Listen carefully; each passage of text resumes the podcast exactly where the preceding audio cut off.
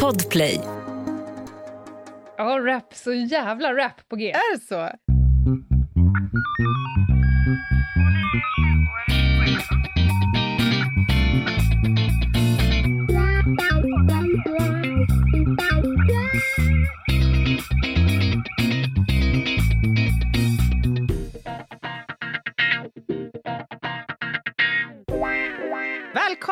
Till krimpoddarnas krimpodd Över min döda kropp med mig Anna Jinghede och Lena Yo, yo, yo Ljungdahl. Jag vill bara sätta Oj. tonen. vilket djärvt artistnamn du har valt. Ja, Yo, yo, yo Ljungdahl. ja, jag hade kanske kunnat jobba på mitt ga ga gangstafluencer. Det var ju något nytt ord i år. Var det det? Gangstafluencer tror jag det hette. Innebär dagens avsnitt att du kommer ta ett så att säga stort kliv? Bryta ny mark. Ja. Mm. Jag har precis satt, varit ute och satt in såna här studs-studs i min bil, så när jag åker så liksom hoppar den fram. Och sen kommer jag också hasa genom livet som om jag är skjuten i vänster vad. Du, Bloods. du blandar inte ihop det här med, med raggarkulturen? Ja, jag kör allt bara. Grills har jag också. Skulle du kunna göra det på mig förresten? Absolut. Guldtänder bara rätt igenom. Ja, ja, för tusan. Jag vill gärna se ut som den här elaka James Bond. Ja, Jaws. Ja, det är... Är inte det Hajen? Ja, han kallas... Det är en annan film. Nej, ja, jo, jag vet att det finns en film som heter det. Men Ja. han hette ju det, Jaha, okej. okej, okej. karaktären i Bond. Du, eh, att vi pratar om detta beror ju på att vi gör ju nu, vi drar in årets sista krimpoddarnas krimpodd. Ja. Och då blir det lite extra allt. Men folk har ju varit bekymrade på de sociala medierna. Mm, mm. Det har ju varit liksom som en trend på internet den här veckan. Just det. Hashtag har Lena slutat rappa. Precis, man kan säga att din rap har blivit närmast viral. Ja, eller min avsaknad av rap. Just det, det finns ett sug. Det är minst tre personer som har frågat. Ja, bara en sån sak. Ja. Men innan du drar av den här fantastiska biten, eller vad säger man? Ja, Ja. så ska vi, ska vi försöka oss på att göra en liten summering av, av året som har gått. Gärna. Var börjar vi? Det har hänt lite, det har hänt lite grejer under året. Ja, men det är ju fan knappt... Och, och det här eh, reflekterade jag över när jag skrev min rap. Och ni som inte fattar någonting, jag gör ju det här varje år, jag summerar i podden. Och, och då reflekterar jag över att man minns ju knappt vad som har hänt Nej. i år. Nej, Vet du hur många eppar vi har eh, dunkat in i år? nej. Jag har ingen aning. Ett! 106 gånger har du suttit i Ah. garderoben, under bordet, på taken, jagat teckning. Just det. Och Ja. krystat ur mig visdomsord. ja. Det är otroligt egentligen. Otroligt. ja, det är faktiskt otroligt. Om, om, om vi liksom skulle kunna på något sätt kanske visualisera kampen. Nu ska vi inte göra det, men om du tänker att vi var en sån här uh, pedagogisk drama-gäng Just det. som med flörtkulor och piprensare liksom beskrev eh, visuellt. Alltså jag skulle kunna sträcka mig till att kalla det för improvisationsteater. För att Ja, det där har varit frågan om många gånger när podden Ja. ska in. ja. Alla gånger man har stått... Jag har ju alltså stått på taket på Metas bil och försökt hitta en plupp för att det ska laddas upp. Vi har suttit i olika ergonomiska... Vi har byggt ett helt jo, Josef Fritzl-rum Mm. ute på en skärgårdsö Just för att det. försöka få akustik. Precis. Mm, Av också antikviteter värda åtskilliga eh, exakt. kronor. Vi har suttit på Axel von Fersens stolar. Ja, men det är också samtidigt väldigt, alltså, så här när man ser tillbaka på det liksom i retrospektiv så har det ju definitivt varit värt det. oh ja! Alltså Jag vilken... har aldrig varit visare än precis just nu. Nej, men vilket fantastiskt år för podden menar jag. Det är många Ja. nya som har hittat till den och vi har ju faktiskt fortfarande lika roligt som avsnitt två. Ja, men där har du ju, där har du ju framgången. Mm. Det vi har roligt och folk hittar till oss och stannar. Och detta har de gjort utifrån att vi har faktiskt försökt, så att säga, sprida vår säd. Ja, Ja, men just det. Det är det vi har gjort. Ja, absolut. Vi kan jag använda... har ju sprungit som en skållad råtta och varit eh, här och där. Mm. På radiokanaler, i poddar. Mm. Och i, i varenda krönika, varenda föreläsning, allting vi gör, så säger vi vi har en podd också. Ja, absolut. absolut. För övrigt varför så gör vi det? kan jag bara få nämna att jag ska ju vara med i jädrigt eh, peppig podd imorgon. Mhm. Som heter Min död, min begravning. Jävlar! Alltså, är, det inte, är det inte ett ganska hardcore sätt att avsluta året på, på något vis? Okej, Jag skulle vilja att du planterar... Ska du vara liksom gäst där eller? Ja, ja. Kan du plantera en sak eller ta upp en grej? Men vi har ju ofta fått frågan hur vi själva skulle liksom vilja ha vår begravning. Ja. det, och den har ju vi svarat på flera gånger. Eh, och du kommer säkert få, inte vet jag, Att- kanske frågan igen. Det känns som att frågan kan komma. Ja. Jag reflekterar idag över att när jag satt på en tåg tur och tur till södra Sverige, jag har ju alltså en spellista. För någon, folk säger "Men hur vill ni bli begravna? Och vi har ju båda sagt så här, men det kvittar ju hårt. Det var Ja, anhöriga ja, bestämma. ja. Men jag har ju alltså en spellista på Spotify. Jag har ju alltså satt spellistan för min egen begravning. Just det. Mm. Kan du fråga om det är liksom, hör till vanligheten, eller om jag är en sjuk, sjuk människa? Det kan jag absolut göra. Absolut. Ja. Det lovar jag. Ja, men vad spännande. Då får du flagga för hur, var och när vi kan lyssna på dig Absolut. i det forumet. Men du, apropå spellista. Det här Mm. verket som du ska framföra, är det något som kommer, ham- brygga, jingel. kommer kunna hamna på spellistor? Alltså mest troligt inte. Alltså tänk om det här blir en jävla listetta, så jag orkar inte. Kommer du ihåg när Meta beatboxade bakom ett år? Hur ska jag någonsin kunna glömma denna snudd på vulgärt?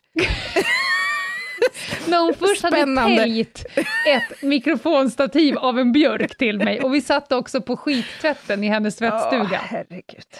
Nej, men jag har en rap. Mm. Den går i väldigt många... Jag frågade ju Daniel ett tag om han kunde lägga på ett beat. Just det. Och perfektionisten som han är så bara så här, ah, måste han i god tid och så vidare. Nej, du får för fan inte göra den bra, sa jag, för då kan ju folk tro på riktigt att jag gör anspråk på någonting. Just det. Just det. Och därför har jag med flit gjort den i väldigt många olika tempon, så att det i princip ska vara helt omöjligt att, att snygga till Ah, den ja, med ett det, beat. det är Daniels fel menar du, att det har olika takter den här? Eller hans förtjänst. Ja, ja, ja, ja jag förstår, jag förstår. Är du beredd, Anna? Ja, ja, ja. Jag har Längtar. inte läst igenom det någon gång än, så att bear with me. Tänk eh, SDC versus Rap 1.0. Yes. Rap 2021.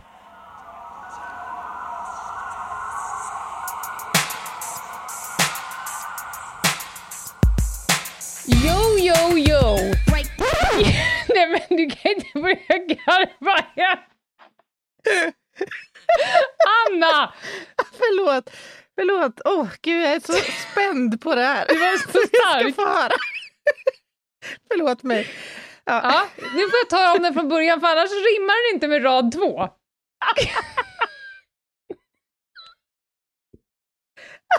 Det här kommer ju gå jättebra. Det är ett och ett halvt A4 här. Okej, jag ska försöka behärska mig själv. Åh, gud.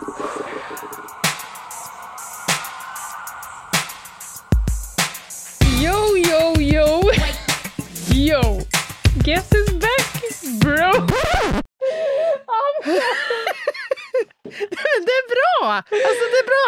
Det här är content, Ljungdahl. Nu får han fan muta dig. Det här kommer inte gå. Nej, Du håller på att explodera. Ja, jag- Jag ser hela du är som ett jävla... jag tittar bort. Du ser som grisen på julbordet. Ja, jag känner mig som grisen på julbordet. Nej, nej, nej, nu, nu kör jag. Yo, yo, yo, yo! Guess who's back, bro? Nu när året tagit slut måste gangsten i mig ut.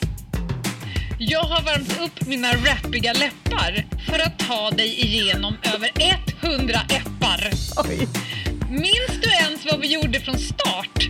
Har vi poddat för mycket är det än särskilt smart. Trötta och skeva och stressade som få skulle veckans avsnitt tydligen vara två. Meta kastar på oss det ena och det andra. Vi har med spända skinkor fått vandra. Ryggar och hälar och pajade nackar. Färre räkmackor än rejäla backar. När orken tröt och vi började flämta ÖMDK-familjen fixar mer krut att hämta. Hästar och hundar och spår ut i snön. Bilar och flygplan och lik under sjön. Malmö och Lund och uppfällda taskar. Strippor och torskar och nykläckta maskar. Kemiska ämnen, bomber och knark. Cannabisdimma och syrran din fick en spark. Olika ämnen från lusten vi väljer och ni kära lyssnare gapar och sväljer. Lena hängde med gubbar i mikrofilmssalen, skaffade mumma till sommarspecialen. Under en vecka fick ni lära känna en gris visade sig vara perverterad polis. Anna växlade upp när det blev hennes tur, levererade fakta ifrån litteratur. Tog med oss på små resor i hålor och kropp. Er längtan efter äckel verkar ej ha något stopp. Anna har listat det mesta på jorden och broderat sina resor med de krångligaste orden. Det är nära att Lena får känslor av panik när Anna visar upp sin sökhistorik. Tidning och tv och podd och radio... Nej, tidning och tv och radio och podd. När ska egentligen gränsen vara nådd? Boken fick vi under hela året knåda. För nästa år ska ni få vår bebis beskåda. Nu lägger vi året och fetlåret i arkivet. För nu kan ni nog ta oss och podden för givet. För än har vi kvar en del på vår lista innan vi lägger oss ner och dör i en kista.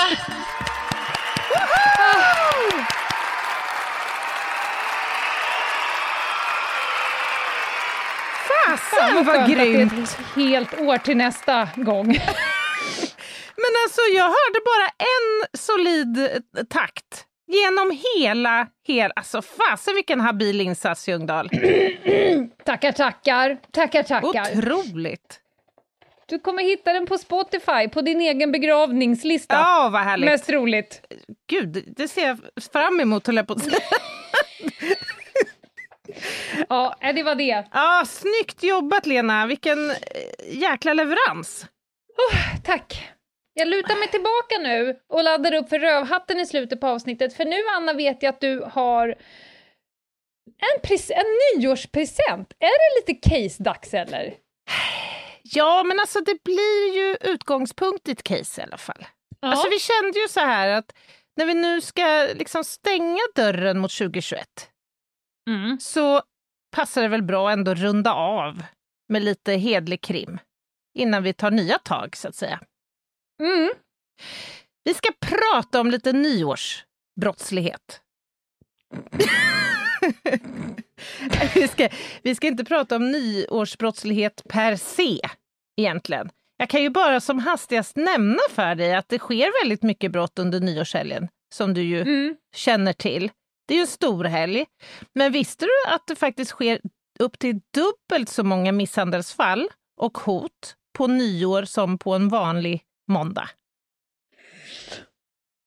Vad beror detta på, förutom att alla är pissfulla? Jag tror att det är den främsta orsaken. Ja. Friktionsgraden ökar också.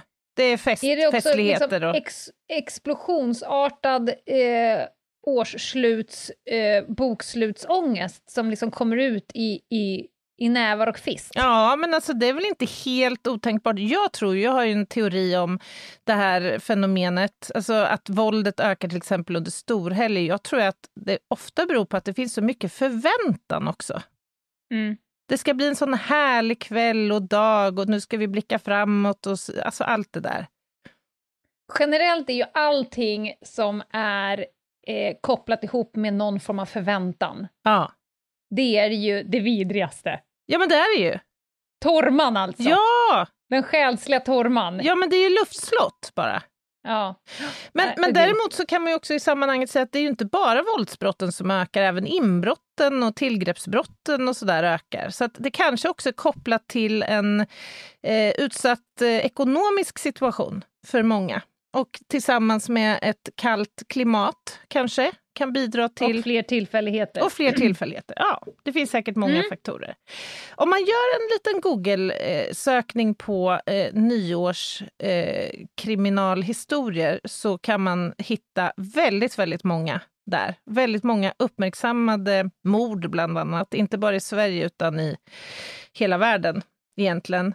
Jag tänkte bara kort nämna ett som har förföljt mig genom åren som ett som jag innerligt önskar skulle klaras upp. Jag mm tänker på Fryshusmordet mm. 94-95, alltså nyårsafton 94. Minns du Anders Gustafsson, 16-åringen som mördades mm. på väg hem från en fest på Fryshuset? Eh, han anträffades i tomt eh, saltlager ju alldeles Just. nära den här festlokalen och han hade ju utsatts för ett enormt svårt våld. Både kraftiga skallskador hade han och jag tror att hans ena hand var avskuren också. Mm. Det här är ju ett eh, ouppklarat mordfall. Och jag skulle, att jag nämner det beror på att hans mamma har varit väldigt, väldigt engagerad i hennes sons mord. Mm. Och har skrivit en väldigt bra bok som heter Ringar på vattnet. Den har några år på nacken nu, men den är absolut läsvärd. Hon har också utlyst en belöning till den som kan lämna avgörande tips i det här ärendet. Och jag menar, det här är ju faktiskt ett mordärende som mycket väl skulle kunna klaras upp. Mm. Så kan vi inte bara göra en liten... Där vi brukar inte rekommendera att man kontaktar polisen och tipsar, men kan vi inte göra det idag? Sitter det någon där ute som vet någonting om det här mordet, kontakta polisen på 114 14 och lämna tips. Sen tänkte jag att vi skulle fördjupa oss lite extra i ett ganska nytt, eller färskt, eller vad vi ska kalla det, mordärende som det är avdömt i domstol. Ja, jag tänkte säga det. Absolut. För det, det är vi noga med. Ja. Det är vi väldigt, väldigt noga med. Och att vi väljer att belysa det här, det beror ju på att det skiljer sig från många andra mordfall i bemärkelsen att gärningspersonen är en kvinna. Mm. Vi pratar om nyårsmordet i Sundsvall. Och det här äger rum 2019 på nyår. Känner du igen det här caset? Nej. Ingenting? Inte, inte än. För det har ju stått väldigt mycket om det här i tidningar. Så du har säkert läst om det någonstans. Det här involverar i alla fall tre stycken väninnor som ska fira in det nya året tillsammans. Och de här tre kvinnorna... Mm, de... Sundsvall. Just det. Mm. Sundsvall. Mm. De här tre kvinnorna är egentligen obekanta liksom, i den här konstellationen sen tidigare. Däremot så är värdinnan för själva kalaset, hon är bekant med båda två på liksom mm. olika håll. Men eh, den senare misstänkta och den, det senare offret, de är helt obekanta med varandra sedan tidigare. Mm. Eh, och offret då, kvinnan som senare kommer att mördas under den här kvällen, hon har med sig lite packning till den här festen. Hon, de har bestämt att hon ska sova över, hon ska tillbringa natten där. Planen är som följer. De här tre de ska spela Bingolotto under kvällen här och eh, ha lite festivitas. Med Bingolotto? ja. Det var det valet föll på. Ja. Är det bara de tre på den här festen? Det är bara de tre på Aha. den här festen. Tanken var att de skulle vara fyra från början. Mm. Men mm. den fjärde här fick lämna återbud på grund av magsjuka. Så det slutar med att de är tre stycken som då ska ha det trevligt här under kvällen. Och de eh, träffas ju då vid sex, sju tiden tror jag på kvällen och eh, börjar med att ta en liten fördrink.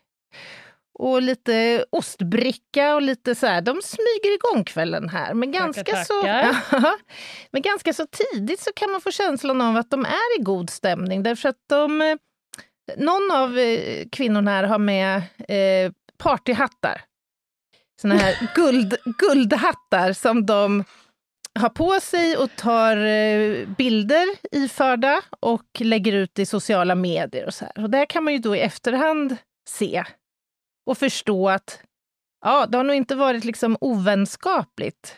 Inte hela, hela kvällen i alla fall. Eh, vad som händer exakt under den här kvällen, det är inte riktigt eh, klarlagt. Och det beror helt enkelt på att eh, huvudvittnet, det vill säga värdinnan, och hon som sedan då kommer att misstänkas för den här gärningen, de har olika utsagor om vad som händer under kvällen. Och det är, alltså det är lite konstiga saker som beskrivs, som, som överensstämmer i stort, men som i detaljer skiljer sig, kan man säga. Som det brukar göra när det är minst en person som inte vill hålla sig till sanningen. Ja, men det är väl inte ovanligt. Och Nej. om man också betänker att man här har konsumerat alkohol från liksom tidiga kvällen och fram till tidiga morgonen när den här historien liksom får sitt slut, eller vad vi ska säga, så, så är det inte heller så svårt att förstå. Men det som beskrivs som, som det finns gemensamma ja, förklaringar kring egentligen, det är bland annat att vid ett tillfälle när de sitter och spelar då Bingolotto framför tvn, så känner de att det drar kallt i lägenheten. Och då mm -hmm. tittar de ut i hallen och får se att ytterdörren står öppen. Och allas kläder och väskor och allting ligger liksom huller om buller. Vissa saker ligger till och med utanför lägenheten. Så de, de har en känsla av att de har haft, alltså haft påhälsning här under själva festen. Vilket är mhm. lite märkligt. Och i det här så ingår också att offret har i sin jackficka, eller om det är väskan som står i hallen, mediciner som, som hon tror är försvunna. Och i eh, liksom, sökandet efter det här så uppstår någon slags eh, ordväxling mellan henne och den kvinnan som sen blir misstänkt. Eh, så att man kan tänka sig att det fanns en tanke om att någon hade tagit det här och att hon som sen blir misstänkt faktiskt skulle ha stulit den här medicinen. Men den återfinns senare och det här lite liksom gruffet som uppstår, det planar ut och de är glada och sams beskrivs det sen då. De dansar shottis i vardagsrummet, beskrivs. Alltså, jag orkar inte. Nu har vi Bingolotto, vi ja. har guldiga partyhattar och vi har shottis. Och vi har shottisen. shottisen. Ja, absolut. Men det är så att huvudvittnet kommer senare i rätten att säga att det var lite gruffigt mellan eh, hon som senare mördas och hon som senare misstänks eh, under kvällen vid upprepade tillfällen. Och eh, den här eh, kvinnan, ska vi kalla henne Karina? För hon heter Karina. Ja. ja. För nu har du sagt hon som senare misstänks tolv gånger. Ja, jag vet, jag kände det blev så stökigt. Den misstänkte, den, kanske? Den misstänkte. Ja, mm. och sedermera dömda för detta. hon som sedan kom att dömas för det hon ja. senare kom att misstänkas för, ja. menar du? hon har ett dokumenterat eh, dåligt eh, ölsinne. Det, mm. det, kommer att beskrivas senare i förhör av när man pratar då med vänner och sådär till henne att hon har aggressiva tendenser när hon dricker. Och huvudvittnet säger i rätten att hon var orolig för att det liksom skulle bli trubbel för att hon okay. dricker för mycket. Och dessutom så är hon ganska eh, hon kan uppfattas som ganska provokativ politiskt. Hon är anhängare mm -hmm. till Sverigedemokraterna och lite så här uh, ute i ja, nazistiska liksom, kretsar mm -hmm. och rör sig.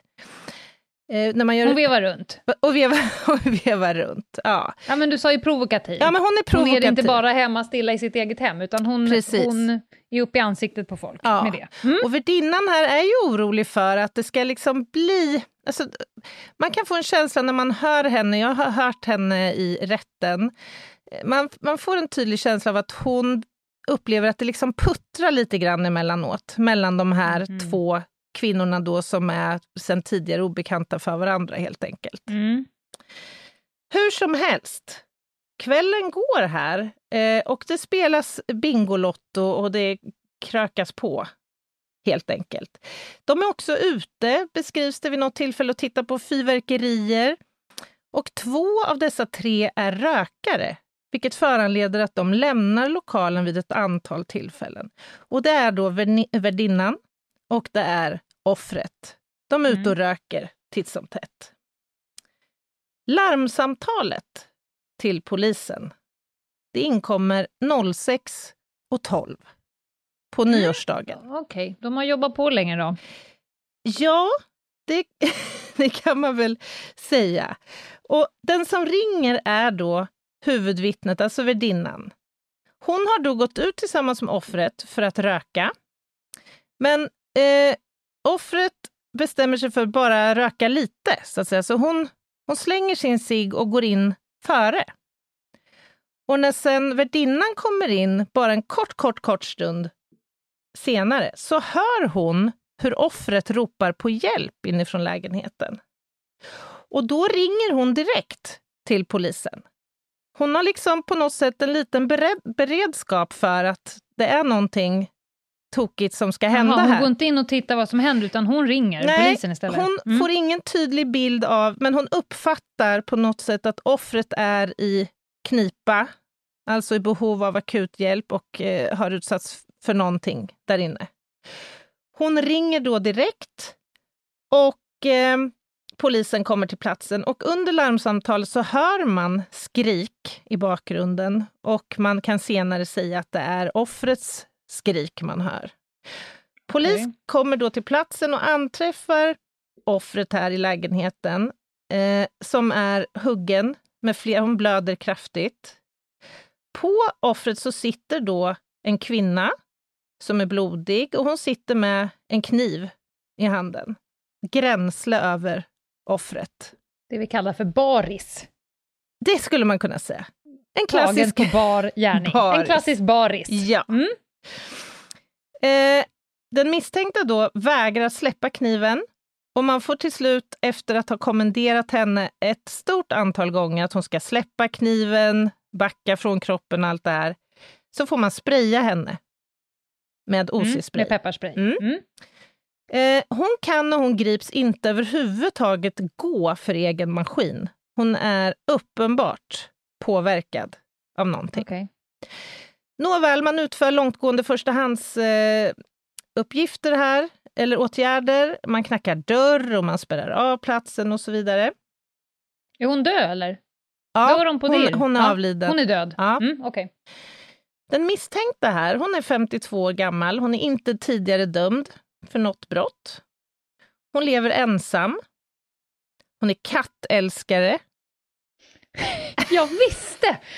Alltså, förlåt, men jag visste att du skulle säga det. Som den kattälskaren jag är. Så, precis. Så bara kände jag att this is a crazy cat lady. Ja, ja, ja.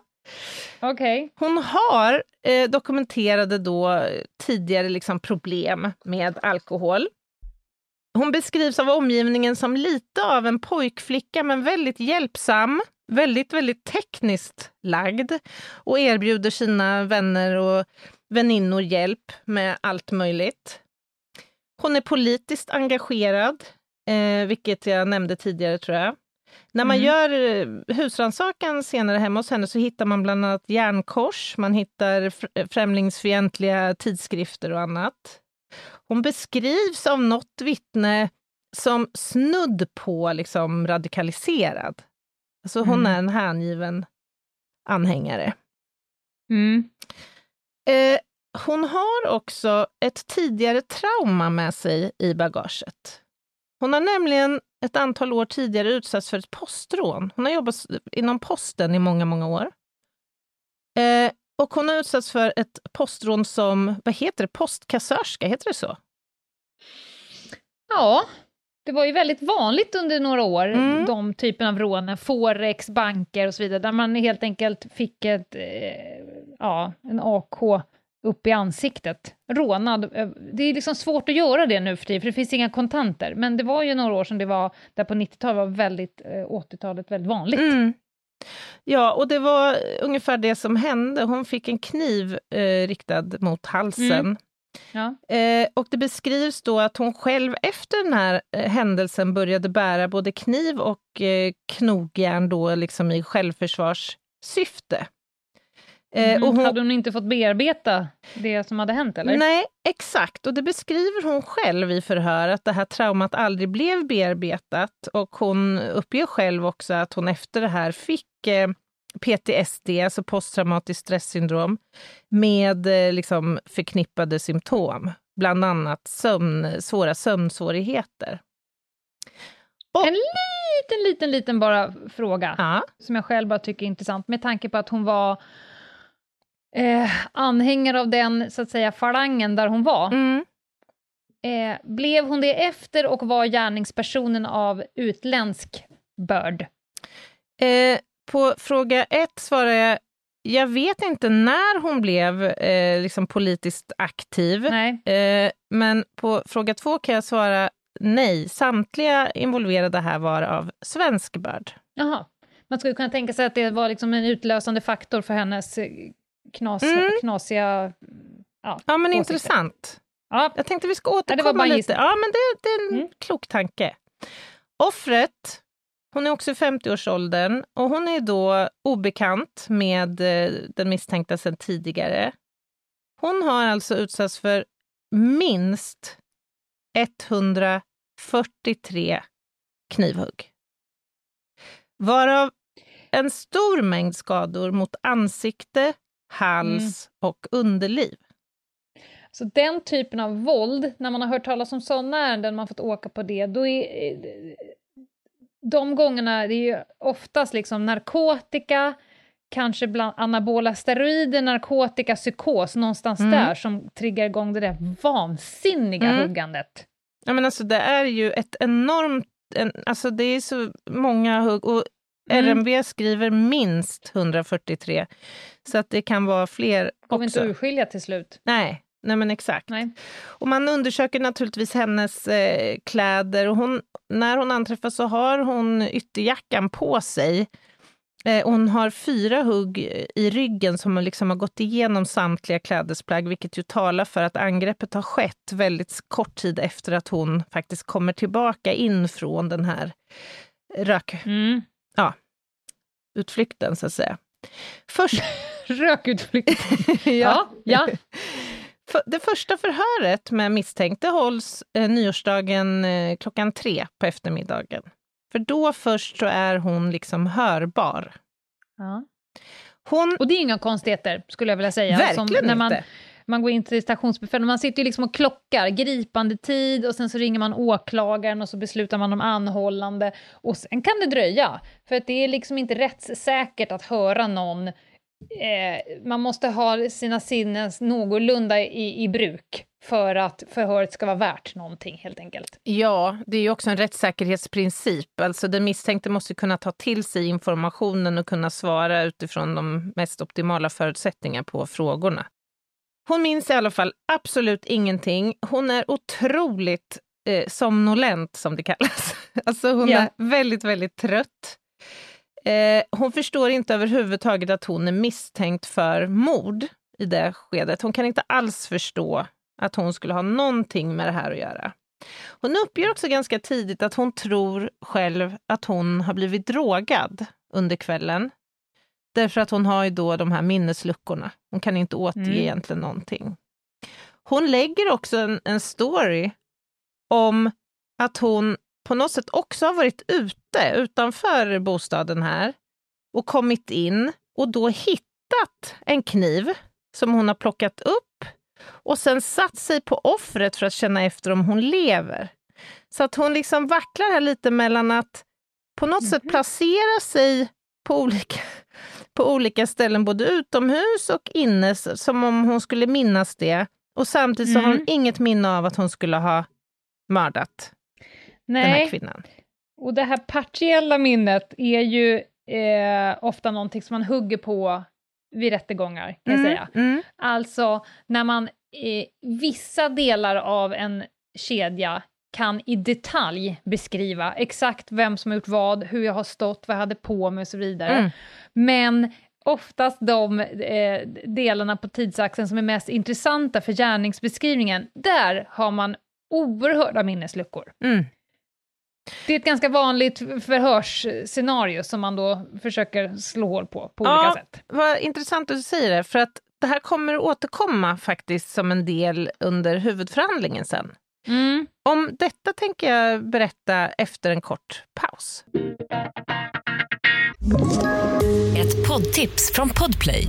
I fallen jag aldrig glömmer djupdyker Hasse Aro i arbetet bakom några av Sveriges mest uppseendeväckande brottsutredningar.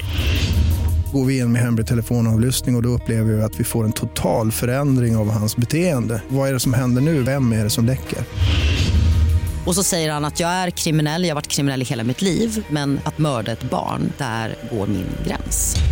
Nya säsongen av Fallen jag aldrig glömmer på Podplay.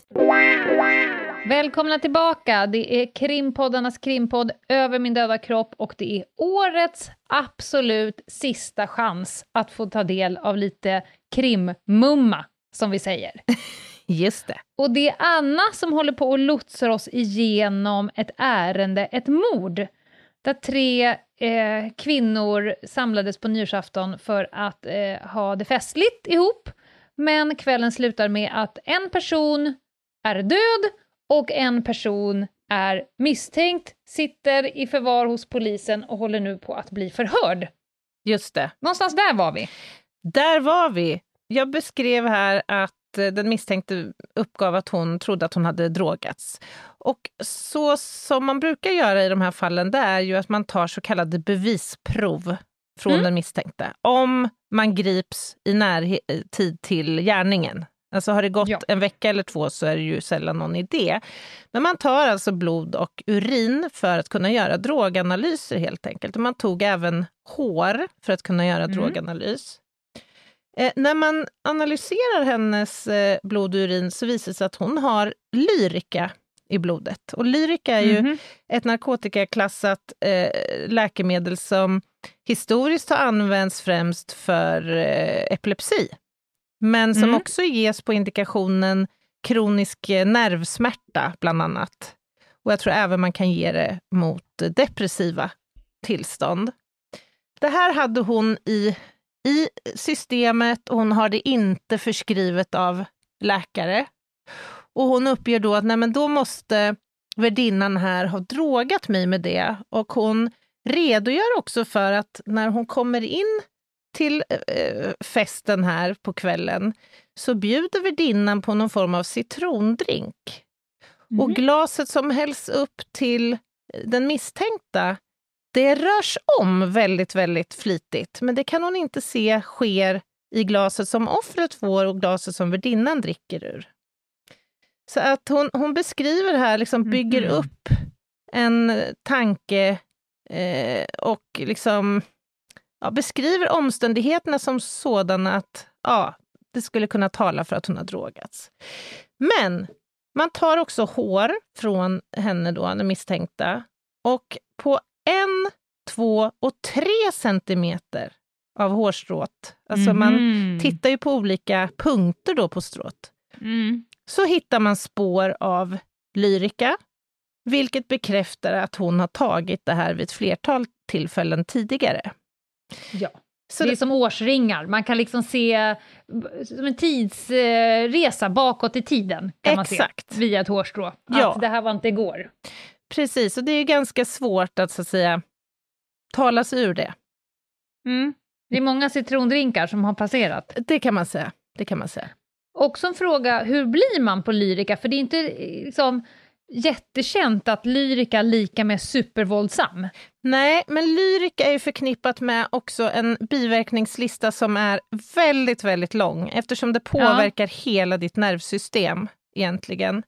Eh, bland annat en biverkning eh, som förknippas med intag av pregabalin som det heter, det är hallucinationer. Så Mm. att, eh, ja, kanske... För det är en ganska ovanlig, om man nu tänker liksom att ha jobbat mot narkotika, det är inte jättemånga som dunkar runt eh, på lyrika för att man så gärna vill komma åt effekterna.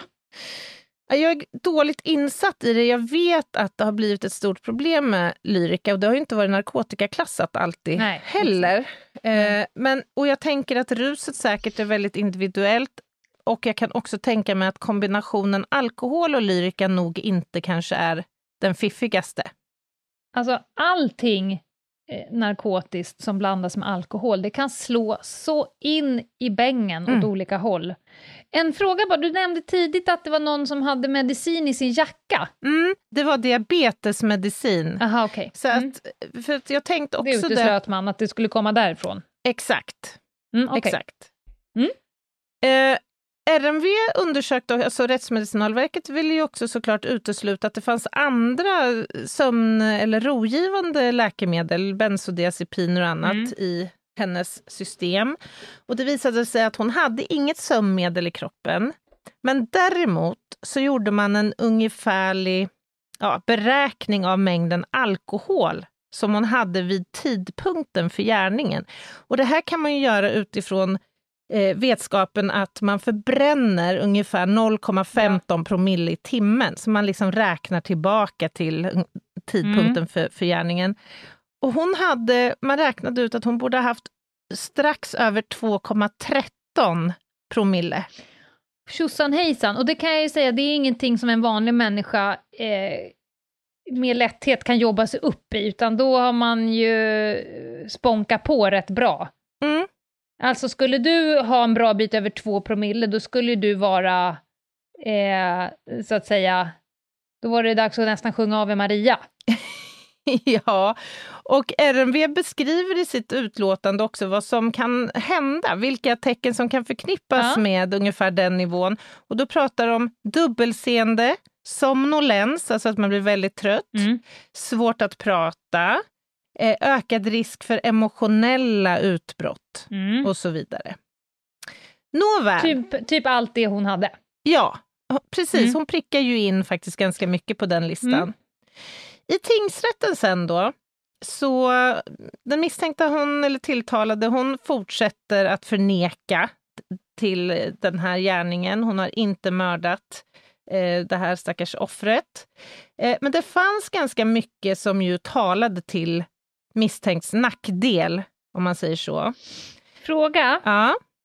förnekade hon gärningen? För hon pratar också om minnesluckor. Mm. För om man inte minns någonting, då kan man inte heller förneka. Alltså, var hon säker på att hon inte hade gjort det, fast hon inte mindes något? Ja, eh, jag återkommer till det alldeles Ja. strax. Ja.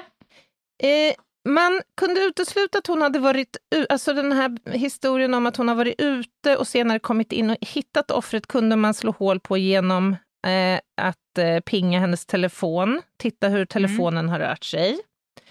Eh, graverande för henne är ju också att hon sitter över offret med en kniv i handen när hon grips. Och på hennes kläder som man gjorde en blodbildsanalys av så kunde man se att de blodspår och blodbilder som fanns på dem talade för att hon hade varit, eller talade starkt för till och med att hon hade varit direkt kontakt med offret när blodbilderna uppstod.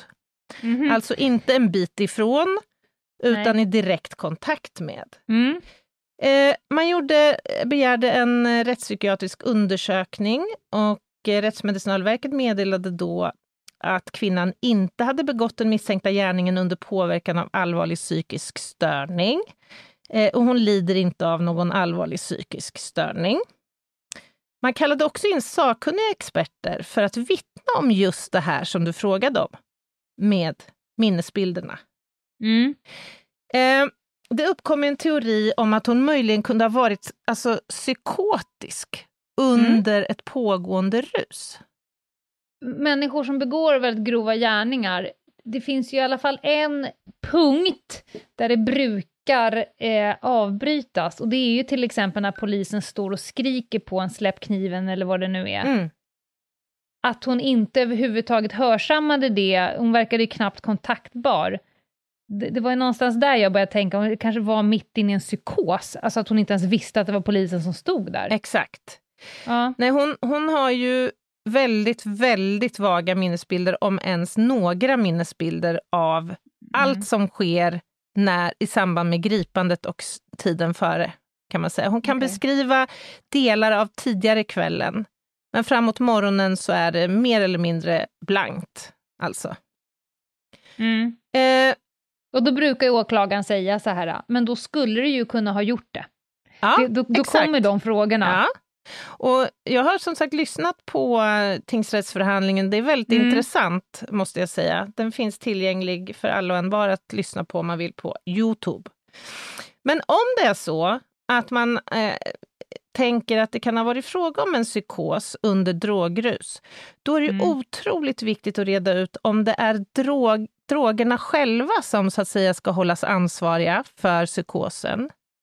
Eller om det är ett tillstånd som har funnits sedan innan drogintaget.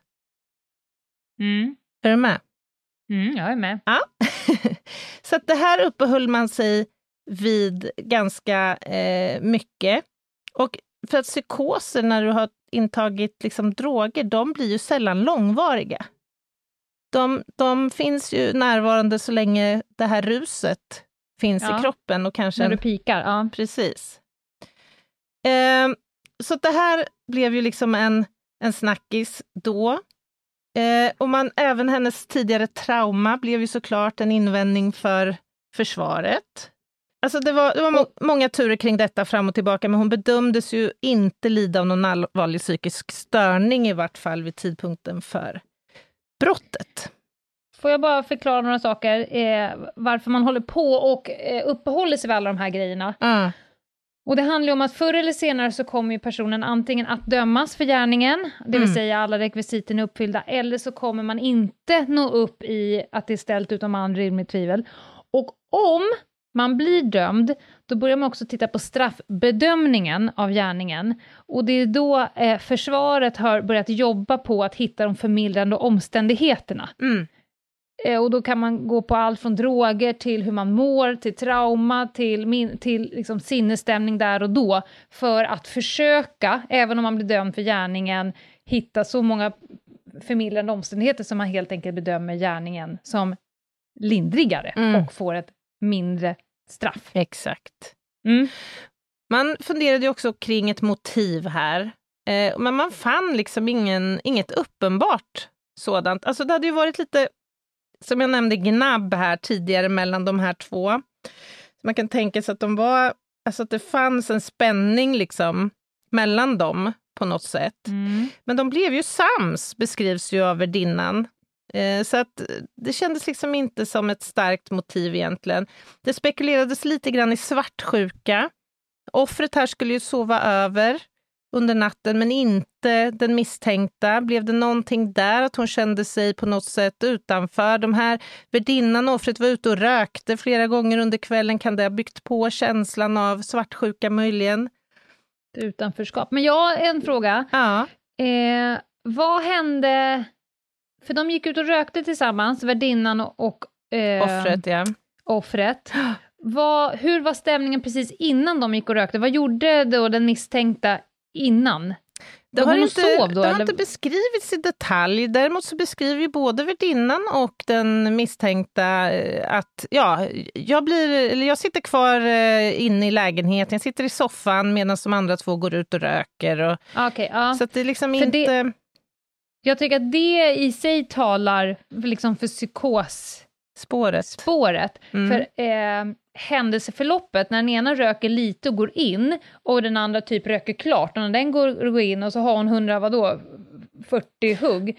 Det känns ju som att från att den första offret gick in till Mm. att gärningen var liksom påbörjad, det kan ju inte ha varit särskilt länge. Nej, men vi ska Alltså det kan inte ens ha hunnit starta en konflikt där inne. Nej, men vi ska komma ihåg också att de här 143 har ju utdelats under de minuter det tar innan polisen är på plats. Och det jag tänker är, eh, jag har inte funnit att man har kunnat klarlägga att det var hon som var måltavlan för det här våldet heller. Kan det ha varit så att det slog slint helt enkelt och offret är den som kommer in först i lägenheten? Ja, men det är det jag menar, det var därför jag var inne på psykosen, för att det var så kort stund från att offret gick in Mm. till att hon hörde ropen på hjälp. Alltså det kan ju vara en sån här sjuk grej som att, är hon i en psykos och kommer in och hon tror att det är en zombie eller vad fan som ja, helst. Ja. Det-. Man vet ju aldrig. Och där har Eftersom vi ju... det inte klarlagt något motiv, så Precis. kan man ju bara spekulera. Ja, och det är därför man också har spekulerat i effekten av lyrikan här med hallucinationer och så vidare. Mm. Nåväl, eh, den här misstänkta kvinnan då, hon dömdes till slut i alla fall till livstids fängelse för detta. Mm. Eh, och jag tycker att det här caset är ganska intressant för att det är ju faktiskt ganska unikt på flera, eller unikt, men det är ovanligt i vart fall. Alltså dels att en kvinna dödar är inte särskilt vanliga. Alltså fall där kvinnor står för dödligt våld brukar ligga på ungefär 10 procent. Och så har det varit sedan någon gång på 1800-talet. Så det är ju mm. en liten förövargrupp. Och dessutom att en kvinna dödar en annan kvinna mm. är ovanligt eftersom kvinnor dödar oftast män.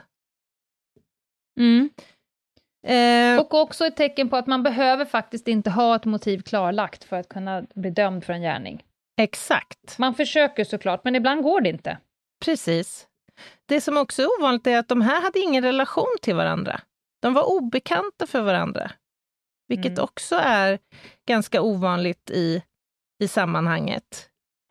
Eh, och det var extremt våldsamt, alltså minst 143 hugg. Det är ju verkligen fråga om liksom övervåld. Tittar man på kvinnors våldsyttringar i våld i nära relationer, alltså där en annan vuxen utsätts för våldet, en man eller oftare en, oftare en man än en kvinna, så är det ju mycket, mycket oftare ett psykiskt våld. Men när mm. kvinnor utövar dödligt våld så är det faktiskt ofta skarpt. Oftare med kniv än trubbigt våld. Ja, eh, teori. Ja. Man är ju inte lika beskaffad muskulärt och eh, våldskapital, vilket gör att man behöver ta till rätt eh, uddiga, ursäkta kopplingen, eh, hjälpmedel Precis. för att lyckas med sin gärning. Mm. Det är, det är, svårt, för de allra flesta kvinnor så är det svårt att med sina knytnävar slå ihjäl ja. en person om den inte är mycket eh, mindre, lättare, tunnare. Exakt. Mm. Helt enig. Helt kort innan vi rundar av det här så tänkte jag bara jättekort nämna några riskfaktorer som man har hittat när man har jämfört kvinnliga mördare från manliga mördare i en svensk population. Mm. Det är en studie som har bara några få år på nacken. Jag tror den publicerades 2016 eller så. När man tittar då på kvinnor respektive män så såg man att kvinnliga mördare som barn har upplevt en högre grad av psykosocial stress men lägre grad aggressionsproblematik än manliga mördare. Mm. Och vid tidpunkten för brottet så lever oftare kvinnor under ordnade förhållanden än manliga förövare. Mm. Eh, oftare så har kvinnliga mördare utsatts för våld av offret tidigare och då även sökt hjälp. Det är de här relationsmorden. Ja. Man kan tänka. Men de är också mer sällan dömda för brott innan mordgärningen än mm. män. Och sen det här att kvinnor oftare brukar ett skarpt våld, medan män oftare är trubbigt. Mm. Vad tror du, är det dags att runda av där? Ja, jag tänkte faktiskt flagga för en grej, för du sa en sak att kvinnorna är mer sällan dömda för brott ja. än de manliga dito, mm. mördarna. Mm. Eh, jag har börjat fnula på ett eh, avsnitt om kvinnlig psykopati. Ja, vad spännande. Av den enkla anledningen att jag har precis läst klart en bok på ämnet, för att det har rätt mycket kopplingar till när jag håller på och gör såna här bedömningar av människor som allt från ståkar till eh, gör livet surt mm. för andra. Och då är det så himla mycket forskning som utgår från mannen och det är lite tunnare på de kvinnliga alltså det, delarna. Den är nästan oexisterande. Alltså. Ja, jag läste en, en forskare som forskar just på eh, psykopati, han sa att ungefär 95% av området är helt svart, som ja. ett svart hål. Eh, och alla de här uh, tabellerna och punktlistor och checklistor och allt sånt som man utgår ifrån. Mm. Allt för att få folk frigivna, till, eller om de inte ska få, om de ska få permis eller inte, det utgår liksom från män. Ja, och jag menar det är ju ganska lätt att tänka om mördare att det är psykopater. Ju. Det, mm. det tror jag att många gör. Och många kriminella och många mördare anses ju ha en antisocial personlighets störning mm. som ju uppvisar väldigt, eh, vad ska man säga, närbesläktade drag med psykopatin. Mm. Och antisocial personlighetsstörning är ju också en diagnos till skillnad från liksom, psykopati.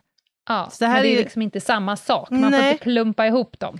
Men det här är superintressant. Det får nog bli ett vi- helt eget avsnitt. Ja, vi va? kör ett helt eh, eh, eget avsnitt på det, för ju- just gällande att de väldigt sällan blir döda, nej, eller dömda för eh, sån här, eh, för mord.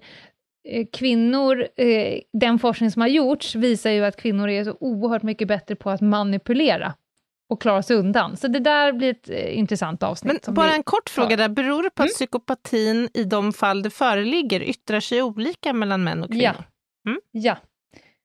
Kvinnlig psykopati är mycket mera finkalibrerad, icke-verbal och slug än den manliga psykopatin som eh, utövas mycket genom hot och eh, fruktan, Just det. säga.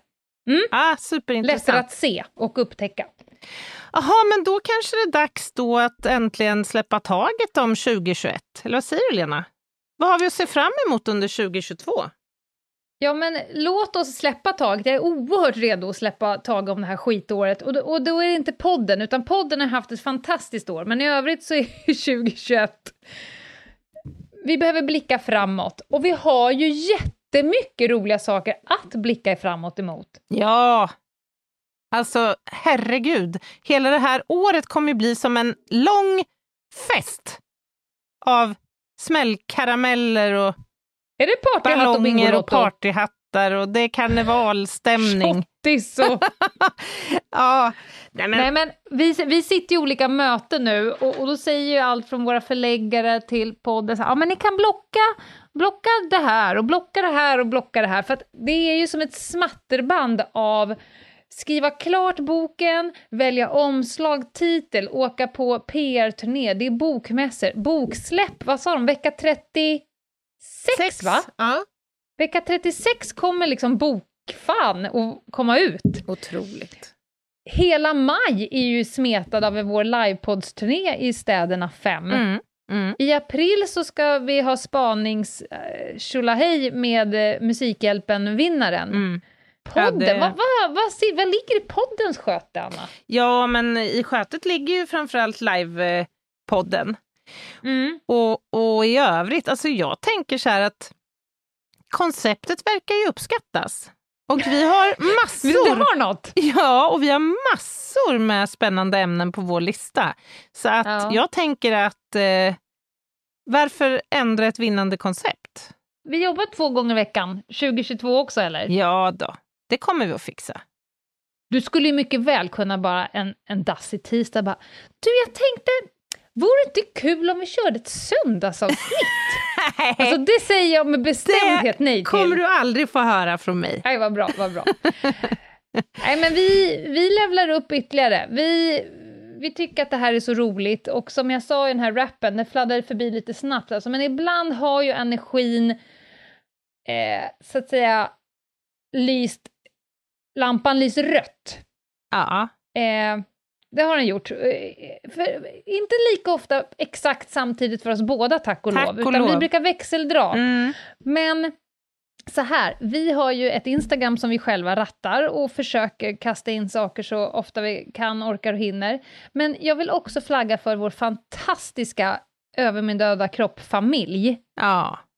ja. På Facebook finns det en grupp som heter Över min döda kropp, eftersnack och diskussioner som är startad av några tjejer som liksom kände att vi är fans, vi vill snacka vidare. Så där eh, förs diskussioner kring varje avsnitt. Eh, fredagsmys. Mm. Eh, och det är också där ibland du och jag går in och tankar lite energi Mm, när, det, verkligen. när det tryter. Verkligen. Nej, men vi vore ingenting utan, utan er, naturligtvis. Nej, Alla som faktiskt. lyssnar. Det, och sen kanske vi ska sk- skicka iväg ett litet tack till Daniel också. Vår klippare. Mm, han kämpar. Han, han får kämpa också. Ja. Eh, men han eh, tar sig igenom det här fint tycker jag, med en hög grad av flexibilitet och eh, ja, humor och så. Och så. Ja, vi har ju en treenighet som är lite skev, men eh, ja, den funkar ju. Ja, Det Verkligen. kommer ut en podd helt enkelt. Men du, är det inte något annat som ska komma ut eh, nu? Alltså, inte ur känner- din röv, men en rövhatt i alla fall. Alltså jag kände så här, ska det verkligen göra det den här veckan? Nähä? Jag, jag, jag tycker inte att det känns kommer rätt här. Nej, men då kan vi hoppa där då. Nu har vi liksom, jag ligger inrullad i glitterströssel och har flörtkulor i Ah. öronen och så ska jag liksom avsluta med ilska. Det Nej. känns inte rätt. Nej. Nej, jag håller med. Det kanske blir dumt. Vi kan Jag- spara jag på den. Så här, tro mig, jag har varit förbannad i, i jul och nyår för att jag har varit på samma ställe som Homo sapiens. Just det. Men jag sparar rövhatten till nästa torsdag. Så ska jag få bränna ut på föräldrar. Jag ger er den. Ja, Mm. spännande. Då säger vi så. Och vi kanske ändå ska bjussa på lite samhällsinformation eh, i form av att berätta om vår otroligt härliga Instagram-sida. Ljungdahl och Ginghede. Och det går bra att mejla oss, oss också på, vad heter vi nu? Hej! At ljungdahl och ginghede.se. Tänk att det har gått ett år och du har fortfarande inte lärt dig mejladressen. Det är, är- otroligt. Ja, den är svår. För, för Anna och alla er andra som har lite svårt så kan ni faktiskt gena i kurvorna och gå in på ljungdahlginghede.se. Via vår hemsida så kommer ni till Podstore där vår merch säljs, ni kommer till Instagram, ni kommer till mejlen, ni kommer fan rätt upp i rökan på podden. Så var det med den. Så var det med den. Jag kan också bara helt hastigt säga att jag var inne och kollade biljett. Nej, inte helt hastigt. Anna, du säger alltid helt kort. Du får inte Ja, men- byta nu. Nej, helt kort var jag inne och ja, tittade bra, bra, bra. eh, biljettbeståndet i de olika fem städerna som vi kommer att Mhm. göra en formidabel eh, show på i. Det börjar sina på sina håll. Så ni som ännu inte har rusat och stad för att få era biljetter tycker jag faktiskt att ni ska ta julklappspengen och göra det. Om ni vill vara säkra på att få en. Jag så. håller med. Det är tunt i Örebro och Stockholm. Ja, det är det verkligen. Mm. Nej, hörru, nu får vi fan sätta ett punkt. Hej då 2021! Tack alla som har lyssnat. Vi eh, ses on the other side. Yes. Take Bye! care. Bye, bye. Thank you.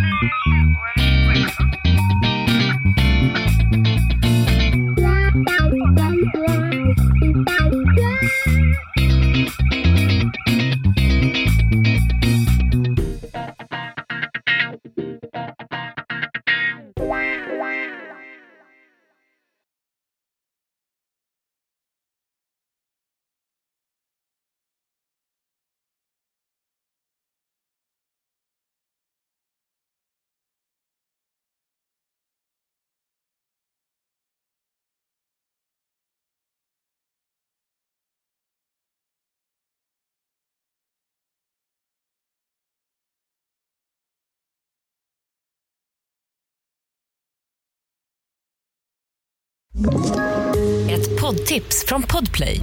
I fallen jag aldrig glömmer djupdyker Hasse Aro i arbetet bakom några av Sveriges mest uppseendeväckande brottsutredningar. Går vi in med hemlig telefonavlyssning och, och då upplever vi att vi får en total förändring av hans beteende. Vad är det som händer nu? Vem är det som läcker? Och så säger han att jag är kriminell, jag har varit kriminell i hela mitt liv men att mörda ett barn, där går min gräns. Nya säsongen av Fallen jag aldrig glömmer på Podplay.